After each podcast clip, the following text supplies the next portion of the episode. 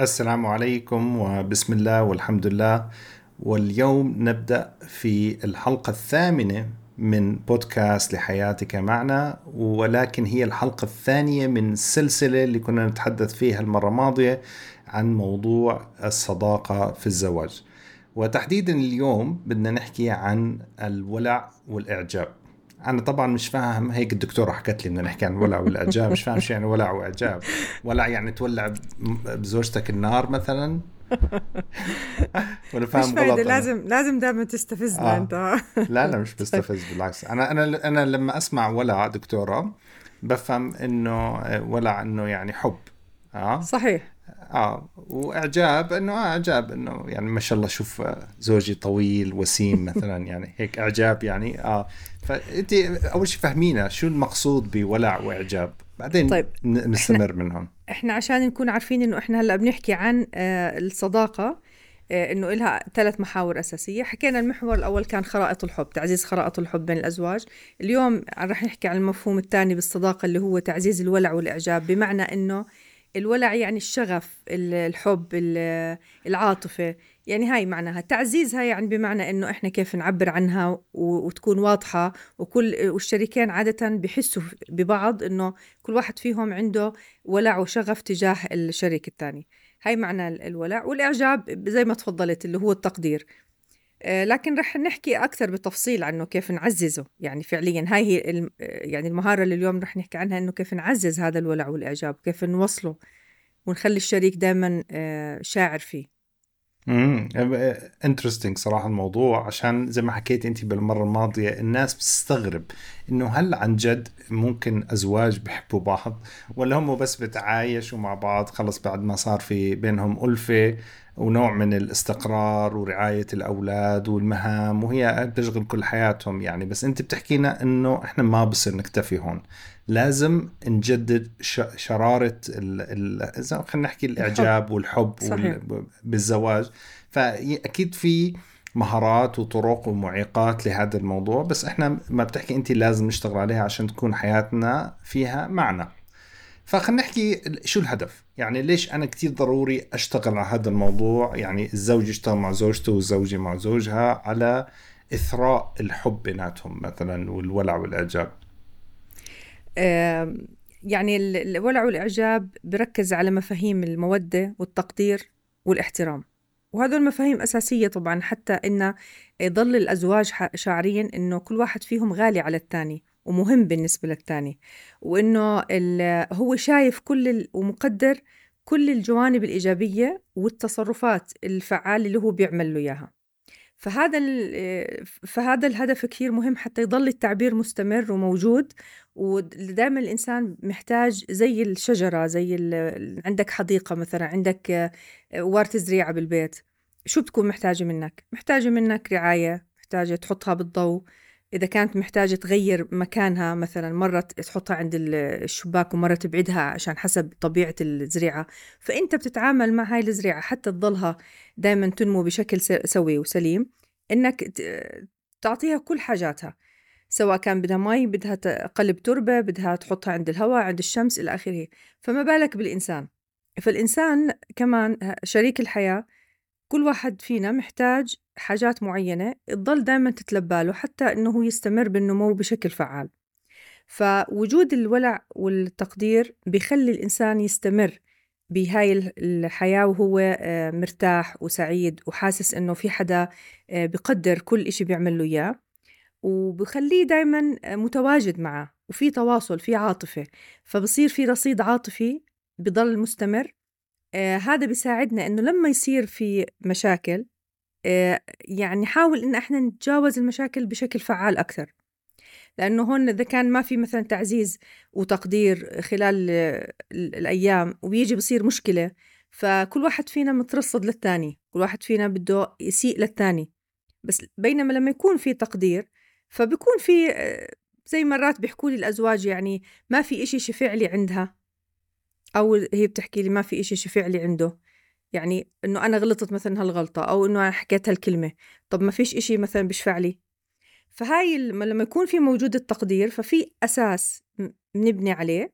وبناء عليه ما لما يصير في خلافات بيوم من الأيام لأنه طبيعي طبعا رح يصير في خلافات يعني دائما الخلافات موجودة. إحنا ما بنحكي إنه في حياة ما فيها مشاكل لكن رح يصير المشاكل بهاي الحالة إحنا نعرف نتعامل معها بشكل فعال أكثر والله هدف مهم صراحة هذا الرصيد في البنك إحنا نثريه يعني بنزيده طيب إحنا فهمنا الهدف. هل الهدف مختلف عن الفوائد؟ هل في فوائد إضافية ممكن نجنيها إذا اتبعنا هذا الشيء أكيد طبعا. هلأ تقوية الروابط بين الأزواج كثير مهمة. العلاقة بتصير قوية. بصير في الأساس المتين هذا العلاقة بتقوى أكثر وأكثر آه وكل واحد فيهم بيشعر بالأمان تجاه الثاني وبشعر إنه في حدا بحبه وفي حدا عن جد آه، بهمه أمره وبهمه إنه يكون معاه. فهذا التعزيز هذا بيساعدنا على تعزيز الحب أكثر فبالتالي علاقتهم بالصداقة بتزيد لأنه كل واحد فيهم بصير يتقرب من الثاني بيحكي معاه بفضفض له بيحكي له أخباره بيشاركه بحياته بتزيد كل المشاركات اللي إحنا بدنا إياها والتفاعلات بين الأزواج. والنقطة اللي كثير مهمة كمان اللي هي تعزيز السلوكات الإيجابية والفعالة بين الأزواج. لما يكون مثلا الزوج بيعمل آه، سلوكات يمكن قد تبدو إنها طبيعية أو عادية وهذا واجبه مثلا آه، لكن هو بيعملها. فما إنه بيعملها لما يتعزز عليها بصير هو يعملها وهو سعيد فيها أكثر. مش زي لما يعملها كواجب ونفس الشيء الزوجة. هي بتعمل كل واجباتها دائما وهي راح تضلها تعملها. بس لما بتتعزز وبتقدر بتصير مثلا لما تطبخ الطبخة تطبخها بحب. لما بتحضر العشاء بتحضره بحب. لما بتغسل الغسيل بتكون حاسة ومستشعرة مثلا هي شو بتعمل وإنه هذا الإشي مهم وإنه زوجها بقدره. فبتكون مرتاحة وهي تعمله مش زي لما تكون حاسة إنه هو عبء زيادة عليها. فهذا الإشي بخفف من أعباء الحياة وبحسس الأزواج إنهم هم قريبين من بعض أكثر وإنه كل واحد فيهم هي عارفة إنه هو بالآخر رح يقدر مثلا التعب اللي تعبته اليوم واشتغلته ودرست الأولاد ووصلتهم ولا عملت أي مجهود يعني سواء كان بالبيت ولا برا البيت حسب طبيعة حياتها يعني. فهذا الإشي كثير بيسهل تغلبنا على العقبات والمشاكل بالحياة والصعوبات. فبصير تعاملنا مع الأمور فيه سهولة أكثر. لأنه زي كأنه بزيت الماكينة. يعني الواحد بيكون تعبان دايما بيجتهد وبتعب وببذل جهد كثير خلال اليوم. بس يصير في تقدير. هذا بخفف عليه كل أعبائه. فكثير كان ناس يحكوا لما أنا أفوت على البيت مثلا لو سواء مرته أو بنته أو أي حدا بالبيت حكى له يعطيك العافية بابا مثلا اشتقنا لك. بنسى تعبه اللي تعبه. بينما العكس لو هو فات مثلا وما كان في أي تقدير وإنه كان تعبان وصاروا يحكوا له أنت دائما تعبان أنت دائما ما بتهتم فينا. بدل ما يحكوا له إنه يعطيك العافية وشكرا لك وأنت دائما بتغلب حالك عشاننا وإلى آخره. فيعني في روح بصير بالحياة. زي تزيية الماكينة أو يعني بصير يحس الواحد إنه الحياة أسلس وأسهل وفي شيء بخفف عنه هذا العناء اللي اللي هو شعر فيه خلال النهار. فعلا. أنا يعني بديش أحكي عن زوجتي هلا بدي أحكي عن مريم بنتي ما شاء الله عنها. لما بس أرجع من البيت وبكون مرات بتعرف شغل كثير واحد بغيب 10 ساعات و12 ساعة بس أرجع بتيجي علي ركاد بتعطيني هج وبتعبطني وب... وبتلزق. بتحكي لي بابا خلص أنا لزقت فيك انه كثير اشتقت لك. بس هذاك الأزعر الثاني الصغير هذاك بترجاه يجي يعطيني هج ما برضى. آه بس إذا لقى معي كيس فيه أشياء زي كذا بنط جواته. بأخذه مني وبيهرب. آه بس آه لا فعلا مهم. أنا بتعرفي دائما آه بشعر وهاي كلمة سمعتها من أكثر من حدا إنه النساء بشكل عام عندهم قدرة هائلة على العطاء. هائلة يعني لا توصف يعني بيربوا الأولاد وبيطبخوا وبيغسلوا وبينظفوا وبيعتنوا بالزوج بيعطوه الاهتمام اللي بدها ومرات تلاقيها بتشتغل. ففعليا قدرتها على الإنتاج هائلة بس ولكنها هاي القدرة محجوبة خلف حاجز. هذا الحاجز مفتاحه العواطف. فيعني هو لازم يعطيها العاطفة اللي هي بتحتاجها من المودة والحب اللي أو اللي كنا بنحكي فيه الولع والإعجاب عشان يفتح الباب وتعطيك هي عطاء يعني لا يمكن وصفه وإذا أنت ما قدرت تفتح الباب مش راح تقدر بس هون المشكلة صح. دائما هاي بين الأزواج تحدي. التحدي إنه هو بيقول لك أنا مش حاصل على آه، أيوه. توقعاتي أيوه. هي بتقول لك أنا مش حاصله على حاجاتي فلا هو قادر يبدأ ولا هي قادرة تبدأ أتوقع هذا أحد المعيقات ولا لا دكتورة صحيح طبعا أكيد آه. هذا معيق معيق كبير إنه كل واحد فينا بيستنى الثاني يعطي مم. آه بس بال... ب- بالحياة الزوجية بمبادئ جوتمان إنه آه الإنسان بده يضل يعطي ما يستنى الطرف الثاني يعني دائما. لأنه في قاعدة بجوتمان إنه إحنا بنفعل العلاقة ما بنفعل يعني إحنا م- مش بنكون إحنا آه، ماشيين باتجاه ذاتنا. إحنا بت... إحنا باتجاه تحسين العلاقة. إحنا الاثنين بنشتغل على العلاقة مش على واحد فينا بده يستفيد. فالفائدة مم. للعلاقة نفسها. فهو بيتعامل مع العلاقة دائما وهاي الإشي الحلو. دائما حتى أنا بحكي للأزواج يعني لما بتصير مشكلة آه، بيناتكم ركزوا مين أهم عندكم. إنه أنتوا تطلعوا ربحانين من هذا الخلاف ولا العلاقة نفسها إنها تدوم. فدائما مهم جدا إن نحكي كم مهم العلاقة بالنسبة لنا فهل ال- ال- الخلاف هذا مثلا بيستاهل إنه إحنا نستغني عن العلاقة عشانه؟ آه، فلما بحكي لهم هاي الجملة كلهم بيرجعوا لورا. لا أكيد العلاقة أهم. مين أهم؟ علاقتي بهذا بشريك حياتي ولا آه، إني أنا مثلا أفوز أو أنا أطلع نعم. اللي صح ولا أنا أعلم عليه ولا أعلم عليها ولا إلى آخره ولا أخذ مثلا اللي بدي إياه بهذا الموقف. فلما بن- بنفكر بالعلاقة إحنا بنرجع وبنتعامل مع بعض بأسلوب أفضل. حكي كثير حلو دكتورة بس مع مع احترامي ما تزعلي مني الحكي سهل. آه يعني أنا بنظري إنه جميع العلاقات على الإطلاق مشروطة ما عدا علاقة الأب والأم بأولاده وأولادهم هاي هي العلاقة الوحيدة. اللي من فوق لتحت حتى مش اللي من تحت من فوق من فوق لتحت هي علاقة غير مشروطة. يعني الأب والأم بيحبوا أولادهم الأولاد ممكن يكونوا بارين أو غير بارين. ب... يعني بيردوا على الكلام ما بيردوا على الكلام. مع ذلك الأب والأم بيحبوهم بدون شروط. ولكن كل العلاقات الأخرى مشروطة. يعني إذا أنت بتعطيني أنا بعطيك. You scratch my back I scratch your back. فكتير صعب. أنت بعرف دائما تحكي عن الإيجو لازم يترك الإيجو الواحد. بس مش سهل جنى مش سهل يعني. بتقدرش مثلا مديرك بالعمل دائما بسيء لك بحكي معك بطريقة سيئة بس أنت محتاج هاي الوظيفة ومضطر هاي إنك تقدر تحبه وتعامله بالحسنى حتى لو هو أساء لك صح؟ مع مع أي حدا بالشارع بتتعامل معه. كتير صعب. يعني مش بس مسألة إيجو يعني مسألة إنه واحد ما بيقدر يعني فهمت علي؟ ما بيقدر إنه يحسن لشخص هو بحس إنه هذا الشخص ما بيعطيه أو بيسيء له أو علاقة معه سيئة. كيف ممكن واحد يتغلب على هذا الإشي اللي انت ممكن تسميه الإيجو بس هو مش شرط بيكون الإيجو يعني. لا، هو مش دائما بس هو الموضوع الإيجو هو أكيد التعامل مع البشر بشكل عام بده يكون في حدود. في بدنا نميز بين شغلتين التعامل مع الشخص مباشرة والتع... و... وكيف إحنا وجهة نظرنا عن الشخص جواتنا. فممكن أنا مثلا آه إذا أنت أسأت لي أنا بدي أحط لك حد عشان أنت ما تكمل إساءتك معي. بس ممكن أنا بيني وبين نفسي إذا أنا ناوية ومقررة إنه أسامحك مثلا وأتعامل معك بإحسان بيني وبين نفسي أكون مسامحيتك بس أمامك أنا بحط لك حدود. فالتقبل أنت اللي بتحكيه التقبل غير المشروط هو مش إشي سهل. وأكيد صعب الإنسان يعني نفرضه على البشر لكن إحنا لو فرضنا إنه البشر عن جد بيهتموا إنهم يكون عندهم تقبل غير مشروط كيف رح تكون حياتهم؟ ونوازن بين التقبل غير مشروط ووضع الحدود مش معنى إني أتقبلك بشكل غير مشروط معناها إني أنا أسمح لك تضلك تسيئني.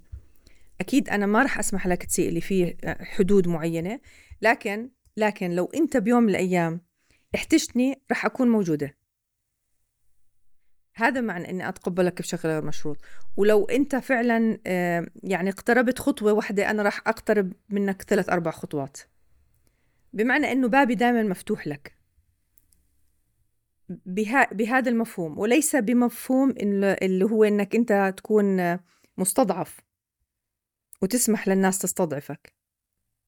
أكيد هذا مفهوم ثاني يعني. بس عليك. التقبل الغير المشروط هي هي فكرة راقية بالتعامل مع البشر. مش أي إنسان ممكن يوصلها أكيد يعني مش إشي سهل لأنه. وهذا بتطلب إنه الإنسان نفسه يكون من جوا عنده قوة إنه هو يستوعب الآخرين ويعرف كيف يتعامل معاهم وما يشخصن آه، التصرفات اللي بيعملوها معاه. إذا شخصنها بيكون أثرها كتير كبير عليه. فهمت لكن إذا. تجاوزها بيكون مم. أفضل يعني التعامل معهم. طيب شو في آه، معيقات أخرى؟ هلا آه، للمودة والإعجاب؟ هو هو في في كمان كثير معيقات تتعلق بالطريقة اللي بنفكر فيها إحنا تجاه شريك الحياة. يعني مثلا أحيانا بيكون في عند آه، شريك الحياة فكرة إنه ليش أنا أحكي لمرتي مثلا يسلم إيديكي وشكرا وهيك؟ كمان شوي إحنا بنحكي عن التمارين اللي ممكن تساعدنا إن نعبر عن التعزيز والتقدير ف... فليش بدي أحكي لها شكرا ويسلم إيديكي؟ ما هو يعني هي بتعمل واجبها. وهي نفس الشيء بتحكي طب أنا ليش بدي أحكي له يعطيك العافية وشكرا على اللي أنت عملته؟ و... ولما جبت لنا الأغراض أغراض الأغراض اللي جبتها كثير كويسة ولا ولا مثلا أنت بتتعب عشاننا بتروح بتشتغل برا و... ليش أحكي له؟ ما هو واجبه إنه يعمل هذا الإشي. هلأ فكرة الواجب يعني آه بتخلي الشخص زي كأنه بخيل بإنه يحكي كلمات حلوة. أنا دائما بحكي للناس كونوا كريمين بالكلمات. الكلمات ببلاش يعني إحنا ما بندفع ثمنها. لكن بتعمل فرق كثير كبير. الكلمة الطيبة صدقة. وأي كلمة بتخلي الشخص اللي قدامنا يزيد ثقته بنفسه أو بتعزز عنده شعور جميل هيك تجاه نفسه وتجاه الآخرين معناها إحنا بنكون بخيلين لو إحنا ما حكيناها. فليش بيكون في جواتنا كلام حلو ممكن ندور عليه؟ إذا ما ما وجدناه إحنا بشكل سريع إحنا ندور عليه نبحث عليه. شو في شيء حلو اليوم آه، عملته زوجتي؟ ممكن أقدرها عليه. لأنه لو أنا أعزز حتى لو كان الواحد عمل واجبه ما هو مش كل الناس بتعمل واجبها. في ناس بتقصر بواجبها. فإذا كان الشخص عمل واجبه فشكرا إنه عمل واجبه. الشغلة الثانية هدول الناس اللي بيناقشوني بهاي الطريقة بحكي لهم إنه ربنا اللي هو أحسن منا كلنا آه، بعززنا الله بيحكي لنا مثلا بيعطينا أوامر بيعطينا عبادات نعملها ولما نعملها بيعطينا فيها أجر. وبدخلنا على الجنة مش بحاجة لهاي العبادات هو مش هو مش بحاجة بس إحنا اللي عملناها وإحنا اللي بنستفيد منها. ومع هيك هو بعززنا عليها. فما بالك إحنا البشر. آه والشغلة الثانية إنه كل ما إحنا آه يعني أعطينا للشخص تقدير وشكرناه آه حتى من ناحية دينية إحنا بناخذ نفس الأجر اللي هو أخده بإنه عمل هذا التصرف. فتخيل كم كرم الله علينا. إنه في تشجيع كبير بإنه إحنا نضلنا نعزز بعض. وهذا التعزيز طبعا راح يساعدنا زي ما حكينا أن نستمر بالعطاء. ويبعدنا عن النقد والاحتقار لأنه كل ما إحنا عززنا أكثر بنصير بعيدين عن النقد. وإذا إحنا ما بنعزز بنصير نركز أكثر على الأمور اللي بدنا ننتقد بعضنا فيها. ومن من المعيقات الثانية إنه كمان أفكر إنه بديش أكبر راسه أو بديش أكبر راسها. لو حكيت لها هاي الكلمات الحلوة مثلا طبخة طبيخك زاكي ولا اليوم الأكل زاكية ولا شكلك اليوم حلو ولا شو ما حكيت لها هذا الشيء رح يكبر راسها. هو فعليا أنا بحكي دائما يعني خليه يكبر راسه وخليها يكبر راسها. ما فيش باب بالوطن العربي كله بيطلعش راسنا. مش مشكلة بنعرف نطلع منه. خلي راسنا يكبر. وهو فعليا ما راسنا ما ما رح يكبر بالعكس. أنت لما تمدح إنسان أو تقدره بتحس إنه هو صار متعاون معك أكثر مش بعد عنك أكثر. حسب كمان طريقتنا إحنا نعم. كمان بالتعبير يعني. الجزاء والإحسان إلى الإحسان. إلى الإحسان بالضبط. فهذا الشيء آه. رح يقربنا أكثر يعني طبعا آه، إحنا بنتمسك بهاي المقولة الناس تروح تتمسك مقولة ثانية وإن أكرمت الكريم ملكته وإن أكرمت البخيلة إيش؟ آه، تمردة. اللئيمة وإن, وإن أكرمت اللئيم تمردا. تمردا. آه ف أو اتقي شر من أحسنت إليه. فالواحد كل واحد بنظر من الباب اللي هو جاي منه يعني بس أكيد صح. أنا برأيي هذا بالإنجليزي بسموه the principle of reciprocity يعني هي التبادل يعني. هو باختصار آه، يعني وهل جزاء الاحسان إلا الاحسان هذا معناتها يعني. فواحد لازم يؤمن بهاي. بس مرات يعني هو مش إنه أنا بروح بحسن له بقول ها شايف؟ يلا هلا هلا بدك تعطيني مقابله. طب هذا مش بطل إحسان. هذا صار دفع ثمن شيء بالضبط. آه. وبعدين هل جزاء الإحسان إلا الإحسان؟ مش ضروري الإحسان اللي بدي بده يرجع لي من الشخص اللي أحسنت له.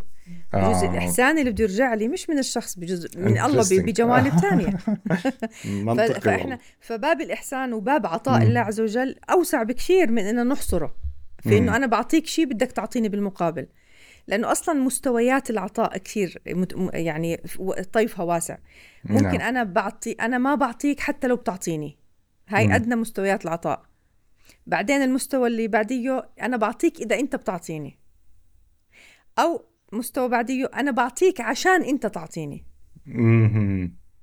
أو أنا بعطيك حتى لو أنت ما أعطيتني. أوه حلوة والله. فهي لازم نسجلها. آه. فالعطاء هو مستويات فأنا بقرر وين أكون بهذا السلم هذا قراري. ولما أنا بتخذ هذا القرار بدي أدفع ال cost المناسب لهذا القرار.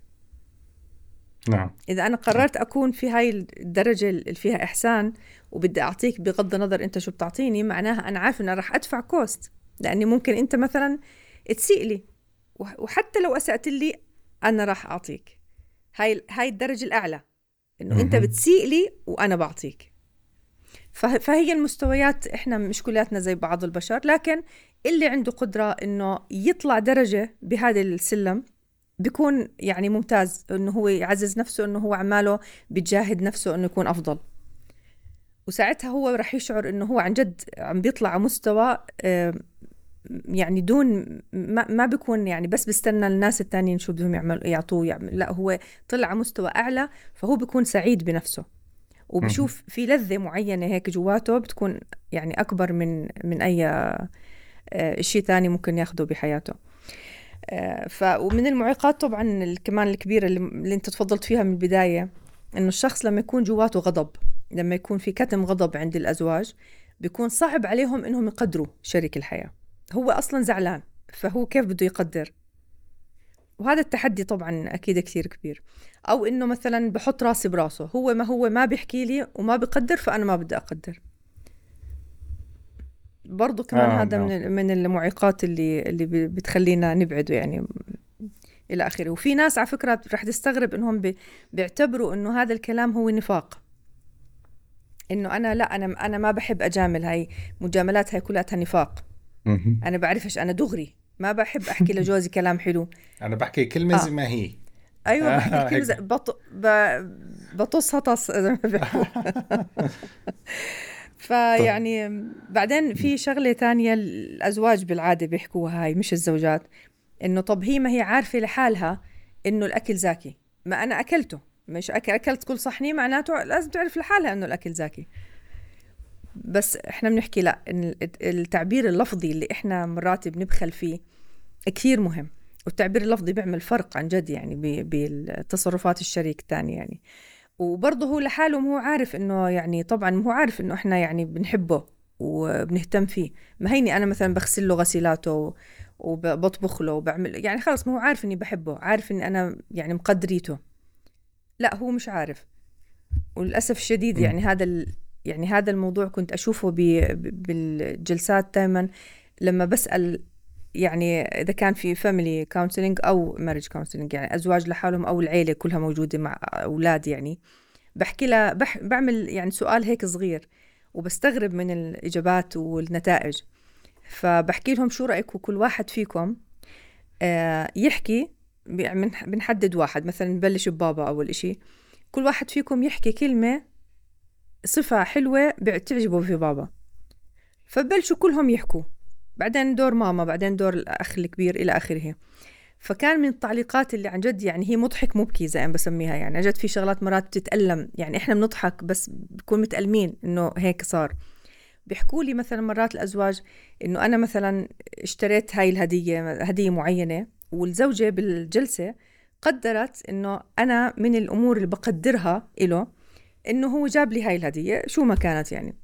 فهو بصير يضحك وبيحكي أول مرة بحياتي بعرف إنه هاي الهدية لهالدرجة كانت إشي بسعدها أنا أول مرة بعرف إنها مبسوطة عليها. والهدية كانت صار... ضمت فجل يمكن. لا لا الهدية كبيرة كانت. بس بس بس يعني ما عمره ع... ما كان عارف إنه هو إنه هاي الهدية كانت عجبتها لهالدرجة. ونفس الإشي الزوجة ما بتكون عارفة إنه هو مقدر فيها مثلا إنها هي بتربي الأولاد وبتدير بالها عليهم. ما بيكون ع... ما بتكون عارفة إنه هو مثلا شايف إنها هي كثير بتهتم بأهله وإنه أمها إنه أمه بتحبها وكثير عزيزة عليها. ما بيكون ما... لأنه عمرها ما سمعت منه هذا الكلام ولا هو عمره سمع من هذا الكلام. فكرة إنه دائما ما هو بيعرف لحاله ما هي بتعرف لحالها. هاي الفكرة اللي دائما إحنا بنحكيها كثير إحنا مخطئين فيها. كل ما عبرنا أكثر وأضفنا كلمات زيادة تعبير لفظي غير الغير لفظي طبعا. فهذا كثير كثير بيأثر يعني عن جد وبيوصل يعني إن من البيان إلى سحرة. الكلمات اللطيفة والمحببة واللي فيها تقدير بتوصل لقلب الإنسان وعن جد ببلش يدوب كثير من التصلبات اللي بيننا هيك. في دائما حواجز بتروح كلياتها بتدوب شوي شوي. فبصير في تقارب يعني بهاي التمارين يعني اللي فيها تقدير. دكتور حكيك آه، يعني أثار في عندي نقطتين بدي أسأل عنهم. النقطة الأولى آه، انت جبتي سيرة الغضب إنه الغضب هو إحدى آه، يعني موانع خليني أحكي تبليغ الولع والإعجاب والاستمرار فيه. هل جميع الانفعالات الشديدة من هذا النوع؟ يعني مثلا الخوف الشديد أو القلق الشديد أو الغيرة الشديدة. أنا بحكي أي آه، عاطفة شديدة. لما تكون هاي العواطف الشديده هل هاي بتمنع استمرارية الولاء والإعجاب أو يعني إنه نشتغل على موضوع الصداقة في الزواج بتقصد أنت الخوف مثلا إذا إذا مش غضب أنا بحكي عن آه. الغضب اللي موجود بين الأزواج يعني هم غضب بحكي... عندهم غضب تجاه بعض لا مش شرط تجاه بعض يعني آه. مثلا أحد الشريكين يشعر بقلق دائم عنده مثلا آه. وسواس آه. قهري أوكي. أو م. عنده درجات عالية من القلق فهو دائما هيك منقرز وبتطلع حواليه بتطلع فمش قادر يشعر أي شيء ثاني آه. صح طبعا طبعا آه. أو م. أو واحدة مثلا زوجة تشعر بالغيرة أو زوج يشعر بالغيرة الدائمة وآه وإيش بتساوي أعطيني أشوف موبايلك أعطيني كذا فيمكن هاي يمكن تكون معيقات يعني قصدي طبعا. مهم والله أعلم إنه نضبط إحنا انفعالاتنا أي انفعال أو شعور شديد هذا الشعور بشكل عام له آثار سلبية له side effects يعني طبعا. صح؟ آه. طبعا أكيد ما حتى لو كان أنا برأيي آه صار هذا الشعور كيف أنا أجي أحكي صار مش إيجابي تعلمت آه آه تعلم آه، يعني مثلا نتعلم منك استفدنا شيء من المحاضرات طيب يعني أكيد مثلا طبعاً. آه الناس اللي بيكونوا آه, آه، بشعور نشوة بسعادة هائلة تلاقيه ما عنده قدرة على التركيز صح؟ تلاقيه هيك وبفكر آه بسرعة بسرعة بسرعة أول ما تبلش تحكي برد عليك بقاطعك وكذا ويصير يفكر يحكي هيك بطريقة معينة عشان هو يشعر بسعادة بالغة لسبب أو لآخر زي المانيا يعني بصير. فبصير برضه هذا الشعور هاي بتحس يعني إحنا ما بدنا إفراط في المشاعر. دخيلكم خلينا نرجع للنص. عادي حلو واحد ينبسط ويزعل مرات بس لا يزعل كثير ولا ينبسط كثير لا شعور أكيد. صار شديد ولا شعور يعني غير صار توازن شديد. توازن توازن. هو هو لما يكون الانفعال قوي فبصير كيميائية دماغنا بتختلف. فتركيزنا ممكن عن جد فعلا يخف. ولما يكون بال state اللي فيه قلق شديد أو خوف شديد أو غيرة زي ما تفضلت هذا بخلي state الدماغ رايح باتجاه مختلف عن إن نركز على الإيجابيات. إحنا بنبطل إحنا مركزين على شعورنا. فما بنكون أصلا مركزين إنه مثلا أنا لو جبت لك كاسة مي وانت عندك قلق انت ما بتنتبه إن أنا جبت لك كاس مي ولا بتنتبه إنه أنا اللي جبت لك كاس مي. يعني أنت ما عم بتشوفني لا أنا ولا, ولا بس بتيجي تاخذ المي وتشربها ما ما بتحكي لي شكرا يسلم إيديك. آه شكرا إنك أنت فكرت فيي حسيت فيي إن أنا ممكن أكون عطش ما بتكون منتبه على كل هذا لأنه الانفعال بخلينا ب state زي كأن إحنا بحالة توجس وإنه إحنا بس مركزين إنه شو ممكن يصير الخطر اللي بده يجي علينا هلأ بيجي. لأنه هاي حالة القلق. يعني أنا بكون حاله توجس دائم إنه ممكن يصير في عندي شيء بس شو هو؟ ما بعرف. ما بكون عندي خوف باتجاه آه، أمر معين أو قضية معينة. لا أنا بس خايفة بشكل عام. آه، فهذا الإشي بخليني ما أنتبه على اللي بصير حوالي. لكن لما بكون الستيت دماغي هادية ومستقرة آه، بكون طريقة انتباهي على كل المحيط اللي حولي أكثر. فبنتبه مثلا لو أنت عملت أي شيء بحكي آه يسلم ايديك أنت مثلا مغير الديكور اليوم. شكرا كثير أنت جبتي لي صحن فواكه. والله أنا بتعرفي إنه كان جعبالي صحن الفواكه هذا يسلم ايديك غلبتي حالك وغسلتي الفواكه وجبتيها. وت... أنا بنتبه وبستشعر إنه هذا الشخص لما جاب لي هاي الشغلة شو تعب عشان يجيب لي إياها شو الجهد اللي بذله. بس بالستيت هذيك لا أكيد أنا ما راح أنتبه أصلا على على هاي الأمور. بكون مركز على حالي. الإنسان كل ما زاد انفعاله قوة بصير تركيزه على ذاته أكثر إشي. ليش؟ عشان يحمي ذاته. لأنه فعليا هو بيكون بستيت مش مش مستقر. بس لما يهدى ويرتاح ويكون آه يعني حاسس إنه حاجاته ملبية بصير يشعر مع غيره أكثر أو بشوف غيره أكثر طبعا حسب كمان قيمه. إذا بتتفاعل هاي هذا ال state مع القيم الموجودة عنده. بس إذا ما كان عنده قيم يعني إنسانية راقية أو هيك ممكن ما يستفيد منها ساعتها. فعشان هيك عملوا دراسة مرة عن ناس اللي هم سعيدين. آه، ناس بيطلعوا من من سينما بيكونوا بيحضروا فيلم آه، مضحك. يعني وكثير بنبسطوا بنبسطوا كثير بالفيلم وبكون كثير كثير كوميدي. بس يطلعوا بيخلوا ناس يجوا بالشارع يطلبوا منهم فلوس. فالناس اللي كانوا يطلعوا من الفيلم الكوميدي كانوا يكونوا مبسوطين فيعطوا بسهولة. يكونوا آه أكثر عطاء. والناس اللي يكونوا مثلا خايفين ومتوترين وهيك ما يكون عندهم شعور بغيرهم تعاطفهم مع غيرهم يكون أقل. ف...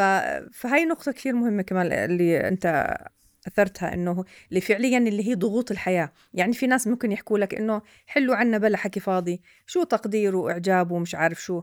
أي الواحد ما هو معهوش خمس ليرات يطعمي اولاده آه الحياة ضغوطاتها كثيرة. آه علينا ديون. وأنا بقدر إنه هذا كل اللي بيحكوه الناس مزبوط. وفعلا الضغوطات كبيرة. بس اللي بحكي إنه هاي الضغوطات موجودة. طب إحنا ممكن نعمل يعني شغلات ما بتكلفنا بس عن جد بتغي بتغني الحياة وبتخلي معنى للحياة جديد. وبتخلينا إحنا عن جد إحنا تعبانين من الحياة بس على الأقل نروح البيت نشوف حدا بيضحك بوجهنا. نشوف علاقة آمنة إنه إحنا بنتمنى إن نعيشها. مش زي لما نكون إحنا كل هاي الضغوط علينا وكمان نروح على البيت كمان نكد وتعب وإزعاج وزي ما تفضلت إنه الواحد بيروح مثلا بشوف ابنه بشوف مرته بشوف ابتسامة حلوة كلمة حلوة ممكن تخفف عنه. فاحيانا في في أمور بنعملها إحنا ممكن نزيد الضغط على حالنا أو نخفف الضغط على حالنا. فشو شو بن شو بنخسر؟ دائما بحكي يعني الناس اللي بيشوفوا الضغوط كثير كبيرة. إيش بنخسر لما نحكي كلام حلو؟ مثلا شو بنخسر؟ فعليا هو إحنا ما بنخسر إشي بس صعب علينا. يمكن يكون م. أسهل على الشخص يروح يجيب هدية بمبلغ كبير من إنه هو يحكي كلمة حلوة. مع إنه هاي ما كلفت. ويمكن هاي أثرها الكلمة كثير أكبر من الهدية اللي إجت. صح أنت ذكرتيني. دائما آه، كنا مثلا زلمة وزوجته بيحضروا باب الحارة ولا مسلسل سوري من هدول القدام. أو بتصير آه، الممثلة أهلا ابن عمي كيفك ابن عمي؟ تقبرني ابن عمي. وتجيب له جاط الفواكه وتنقع له جريب بطشة مي بعدين وتعمل له كاسه الشاي وتدلله. بس تقول لها شايفة؟ ها؟ هيك بدي أنا تتعامل معي. بتقول له يم تضحك عليه هي بتحكي له كلام حلو هاد عشان تجيب لها ذهب وتلاقيها مشنشلة بالذهب من هون لهون. جيب لي ذهب بحكي لك كلام حلو. نرجع نفس الشيء. وبقول لها مشان الله أنت تحكي لي كلام حلو ما عليك. يعني اضحك علي. هو على فكرة كل الرجال بيناتنا أنا بقول لها ان شاء الله اضحك علي احكي لي كلام حلو ما عندي مشكلة. صح. دلليني وأنا ما بستاهل بس معلش. وهو يعني متأكد هي نفس الشيء. بقول لك حتى صح. لو أنت مش صادق بمشاعر الحب تجاه احكي لي اياهم احكي لي انت أحلى واحد قول أنا كد... أنت كذاب اكذب بس قول لي أنا أحلى واحدة شفتها صح هم هم حتى. عندنا بيحكوها آه. هاي بال... بالعيادات بس بصراحة لما يحكوها بدون نفس بيرجعوا كمان بزعلوا آه. آه. إنه صح. بيحكي لي هو بس أنا ما بحس فيها مم. يعني هم بيكونوا يحكوا هيك من باب المبالغة إنه يعني من كتر ما أنا محتاجة الكلمة الحلوة احكي لي إياها حتى لو تضحك علي وهو بيحكي لها نفس الإشي طب ليش ما نحكيها بدون ما نضحك؟ إحنا مش محتاجين على فكرة نضحك على على بعض. إحنا عن جد أكيد في يعني عشرات ومئات النقاط اللي ممكن نقدرها في بعض. إذا حدا بيحكي لي أنا مش واجد ولا إشي أقدره بمرتي بحكي له المشكلة يمكن تطلع عندك. أكيد أكيد في شيء أنت بدك تقدره بمرتك بس أنت مش منتبه. وهي نفس الإشي. مستحيل ما يكون في ولا إشي بتقدريه. ما في ولا زوج زي الثاني. في أزواج زوج ممكن يكون في عنده نقاط ضعف معينة أو نقاط بدها تحسين واحد تاني نقاط تانية. فأنت أكيد في نقاط فيها قوة هون ممكن تنتبهي عليها وتشوفيها وتكبري هاي النقاط وتعززيها ونفس الإشي أنت أكيد في نقاط قوة ممكن تعززها. يعني على الأقل خلينا نحكي بدل ما يكون الأذى وال والنكد اللي إحنا عايشين فيه مية بالمية خليه يصير 80% بنكون أنجزنا. أنا ما بحكي إنه بدنا نحول لصفر بس الثمانين أحسن من مية والسبعين أحسن من الثمانين فشو ما بيطلع بإيدنا. لقدام. بالضبط. اطلع دائما بحكي امشي أو اطلع درجة بالسلم. يعني أي شيء ممكن تعمله هو بالآخر أنت اللي بتستفيد منه يعني. لا بدناش ف... درج بتعب دكتور الأسانسير. الأسانسير. لا بتعرفي أنا بذكرك عندي نقطتين. ما زلت يعني أذكر النقطة الثانية. لما وإحنا بنربي أولادنا.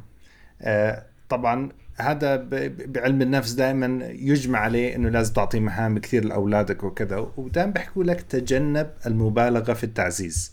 يعني مثلا بتحكي لابنك أو لبنتك قوم ضب الصحون الأكل اجليهم أسوي كذا طول الغسيل ضب الغسيل. بس خلص بتحكي له شكرا طبعا وكذا. بس ما تبالغ في تعزيز هذا الأمر. عشان بصير دائما مرتبط الأمر بالتعزيز. فببطل يسويه ببطل يشعر إنه هذا من مسؤولياته أو واجباته إنه يسويه أو يعتني بابنه بأخوه الصغير أو يعني بغض النظر. أو مثلا كل ما يعمل شيء تقول له هاي دينار هاي هالقد مصاري. دائما يكون في مصاري. بفقد حس الداخلي بصير يحس أنا مش واجبي إني أنا أعتني بأخوي الصغير بس عشان أهلي طلبوا مني أنا زي زي أي بيبي ستر ممكن يستأجروها عشان أقعد مع أخوي الصغير وهم يطلعوا مثلا. فهل هذا ينطبق بين الأزواج؟ هل لازم نتجنب المبالغة في التعزيز؟ أنا رحت على الجانب الإكستريم الآخر يعني هل هذا ممكن؟ آه شوف أحيانا أنا بحكي دائما الإنسان بيكون عنده نوع من الذكاء بالتعامل مع الناس وكل إنسان طبيب نفسه فالشخص بيعرف كم وكيف وإمتى بده يقدم التقدير التقدير له أساليبه يعني فلما يكون مثلا تقدير زيادة بيكون الشخص الثاني بطل يحس بطعمه. فأنا بدي أسدد وأقارب بدي أعرف إمتى أقدم التقدير وإمتى مثلا ممكن ما أبالغ ما أحكي عنه بس بعدين أرجع أقدر. يعني أنا بدي أعرف كيف بدي أتصرف. أكيد كل إشي فيه مبالغة ما بيكون له قيمة. يعني بصير في بصير في نوع من التملق هيك أو ما بصير الإنسان حاسس فيه عن جد صدقا يعني. لكن مثلا ممكن مرات تكون كلمة صغيرة آه، يسلموا إيديك يعطيك العافية ومرات ممكن نحكي آه، بطريقة ثانية أقدر بأسلوب آخر إنه يا الله عن جد أنا شو شو بكبر فيك مثلا وبقدر فيك إنه أنت كثير بار بوالديك.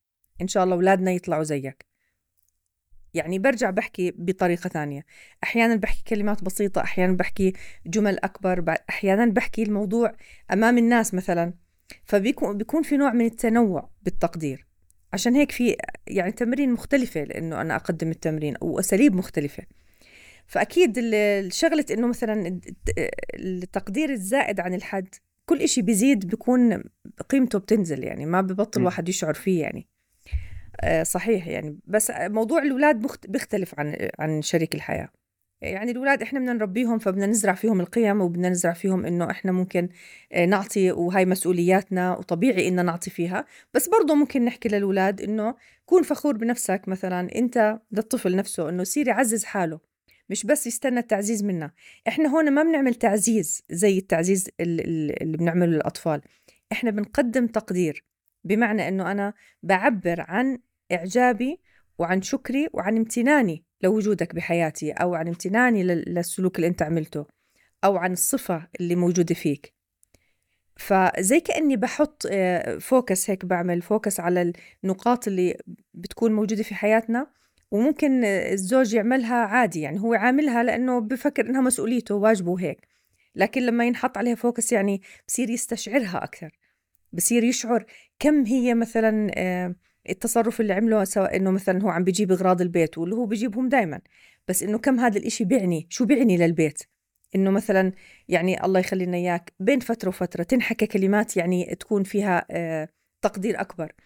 إنه إنه عن جد أنت دائما مثلا بتجيب الأغراض وبتكون تعبان ومع هيك بتروح بتجيب الأغراض. ولو إنك أنت مش جايب الأغراض كان إحنا كيف مثلا بدنا نطبخ وبدنا نجهز الأمور وبدنا نعد الوجبات تبعتنا؟ ونحكي للأولاد إنه مثلا شوفوا كيف يعني كل واحد فينا له مسؤوليات. بابا مثلا هو بيجيب الأغراض وأنا بطبخ وأنتم بتساعدوني بضب السفرة مثلا. فبصيروا الأولاد يعني منها بيكون تقدير للأب ومنها الأولاد بيشوفوا بيستشعروا كيف إنه المسؤوليات بتتوزع. فبده يكون الإنسان عنده فن بتوزيع هذا التقدير والتعزيز تبعه إنه يعرف كيف يعمله وإمتى وشو الأسلوب المناسب للشخص المقابل. يعني شريك الحياة مثلا. فعشان هيك بدنا نعرف كيف الآلية اللي بفضلها. في مثلا ناس زوجات أو أزواج بحبوا التعزيز يكون أحيانا أمام الناس مش دائما بس لحاله يعني مش بس لما يكون هو لحاله معها. بتحب مثلا إنه يحكي عن أكلها أو عن شغلة عملتها أمام الناس. بتحب هذا الحاجة هاي بتحب تلبى هيك. فبده ينتبه عليها. نفس الشيء هو مثلا إنه كيف هي تقدم مثلا تعزيز له أمام الآخرين. بجوز هو مثلا بحب وفي ناس بالعكس ما بحبوا بحبوا التعزيز يكون أو التقدير يكون بالبيت بدون ما حد يسمع. فكل هاي الأمور عشان هيك أنا بحكي إنها هي لها فن وما ما بزبط انها نقيس على شخص واحد أو على كيس وحده وعلى عيلة وحده وعلى أزواج معينين كل الحالات الثانية لأنه كل آه، أسرة لها كينونة خاصة فيها. وكل زواج له طبيعة وكل أزواج لهم آه، يعني صفات شخصية مختلفة عن الثانيين صحيح. أي يعني أنت آه، خليتيني أستذكر حديث الرسول صلى الله عليه وسلم. إن شاء الله يعني بدي أحكي من ذاكرتي إن شاء الله ما اخطئ فيه. آه، قال الرسول صلى الله عليه وسلم سددوا وقاربوا. وقاربوا. سددوا وقاربوا زي ما حكيتي يعني بلا إفراط ولا تفريط. فسددوا وقاربوا وأبشروا. فإنه لن يدخل الجنة أحد عمله. يعني فيش عمل ممكن تعمله بداخلك الجنة. قالوا ولا أنت يا رسول الله. قال ولا أنا. إلا أن يتغمدني الله آه، برحمة منه. فنفس الشيء يعني هذا كثير مهم. بتكيش إفراط في أي شيء يعني أنت سدد ب... شو معنى سدد بالبداية؟ سدد يعني اقصد الخير. إذا النوايا سليمة العمل بيتبعه. يعني النوايا السليمة بتزبط العمل. ونفس الشيء بالزواج يعني إذا الواحد بفرط بالتعزيز ابو الموده وكذا بس هو عشان يأخذ إشي بالمقابل معين زي ما كنا نحكي. يمكن زي ما تحكي آه، الناس مش أغبياء. الناس بتستشعر النوايا. حتى وإن لم تقال صراحة. آه فأنت سدد. بمعنى أهم إشي أول شيء اضبط نيتك.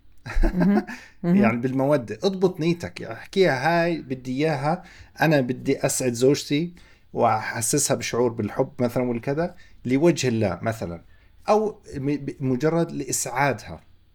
طبعا إسعاد زوجك أو زوجتك على حالتين. هذا هو طبعا مرضاه من الله سبحانه وتعالى. طبعا. فهي نية صعب أما لما تحكي مثلا أنا بدي أسوي له هيك عشان بدي أطلب منه 200 ليرة عشان بدي أروح الصالون. أها خربت النية. راح يفسد العمل اللي والله. والله أعلم يعني. آه. هاي الرومانسية الأنانية اسمها. يعني الرومانسية الأنانية. بمقابل يعني. عندك ذكرتيني بالنكته آه بدي أحكي لها زوجها بحكي لها عن رومانسية ومن رومانسية كذا مع زوجته. فمتزوج جديد. فراحت عند أمها بتحكي لها زوجي بحكي لك هيك هيك مش فاهم شو يعني رومانسية. فأمها بتحكي والله ما بعرف بس للإحتياط انقعي رز.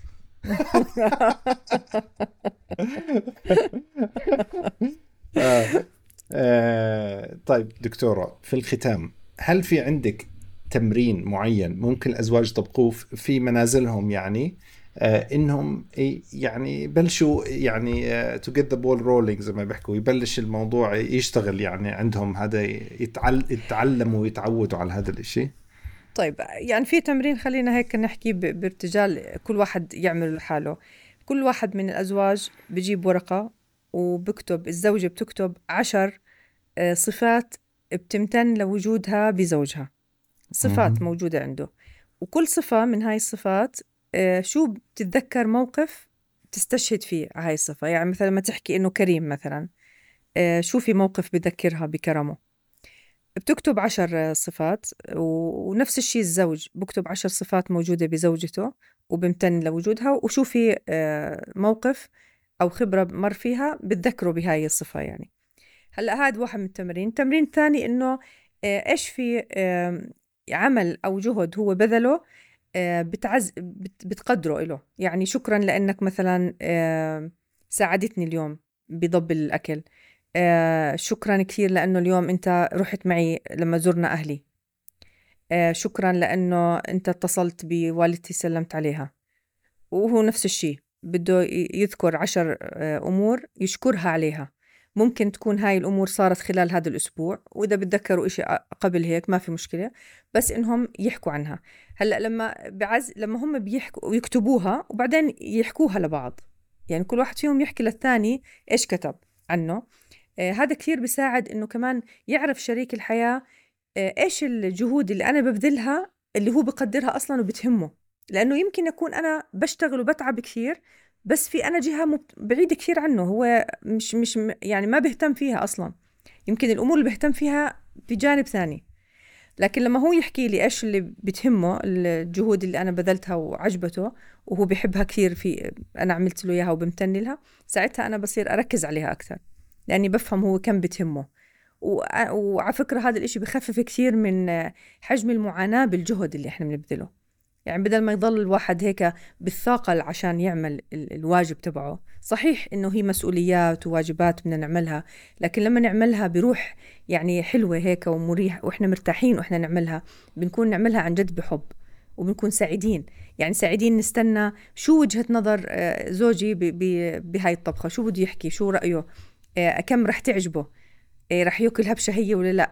لأنه لما الزوجة بتشوف هاي الرياكشن من الزوج بتكون خلص سعيدة وبتنسى كل تعبها. وهو نفس الإشي. هو بتعب وبشقى وبروح وبيجيب الرزق وبيجيب للبيت كل طلباته. بس بالآخر لما يشوف الكل مبسوط وأكلوا وانبسطوا وحكوا وهيك ونكتوا على السفرة فهو بيكون سعيد وبنسى كل تعبه. فالله يعني يخلق دائما المودة والرحمة بين الناس وضل دائما آه، تقديرنا. ونتذكر إنه كل عطاء إحنا بنعطيه بالزواج زي ما في ناس بيهدموا الزواج إحنا لما بنعطي لبعض بنكون إحنا بنبني بهذا الزواج. وهذا الزواج هو واحد من الزيجات الموجودة في المجتمع يعني هو صح إلنا بس وبالآخر إنه إحنا لبنة من لبنات المجتمع. فكل كل ناس كل عيلة يقدسوا هاي العلاقة وقدسوا هاي الأسرة لأنه هي الأساس اللي بتبني كل المجتمع فيه. فالله يقدرنا دائما إن نضلنا نعطي ونضلنا آه منتبهين على بعض وكل واحد فينا حاسس بالثاني شو بده وشو حاجاته ويحاول إنه يعطيه إياها. ويسر أمور الجميع يا رب إن شاء الله بكل خير وينشر المحبة والسلام بكل الأسر يا رب. إن شاء وهذا الله. الهدف اللي إحنا يعني عملنا كل البودكاستات عشانه يعني. لأنه إحنا بنقدس هاي العلاقات يا رب. الله يعني آلف بين قلوب الناس كلياتها. شكرا كثير دكتورة جنى وجزاك الله خير لوقتك. ونلتقي بكم في الحلقة الثالثة من هاي السلسلة الصداقة في الزواج في الأسبوع القادم إن شاء الله. في أمان الله. السلام عليكم.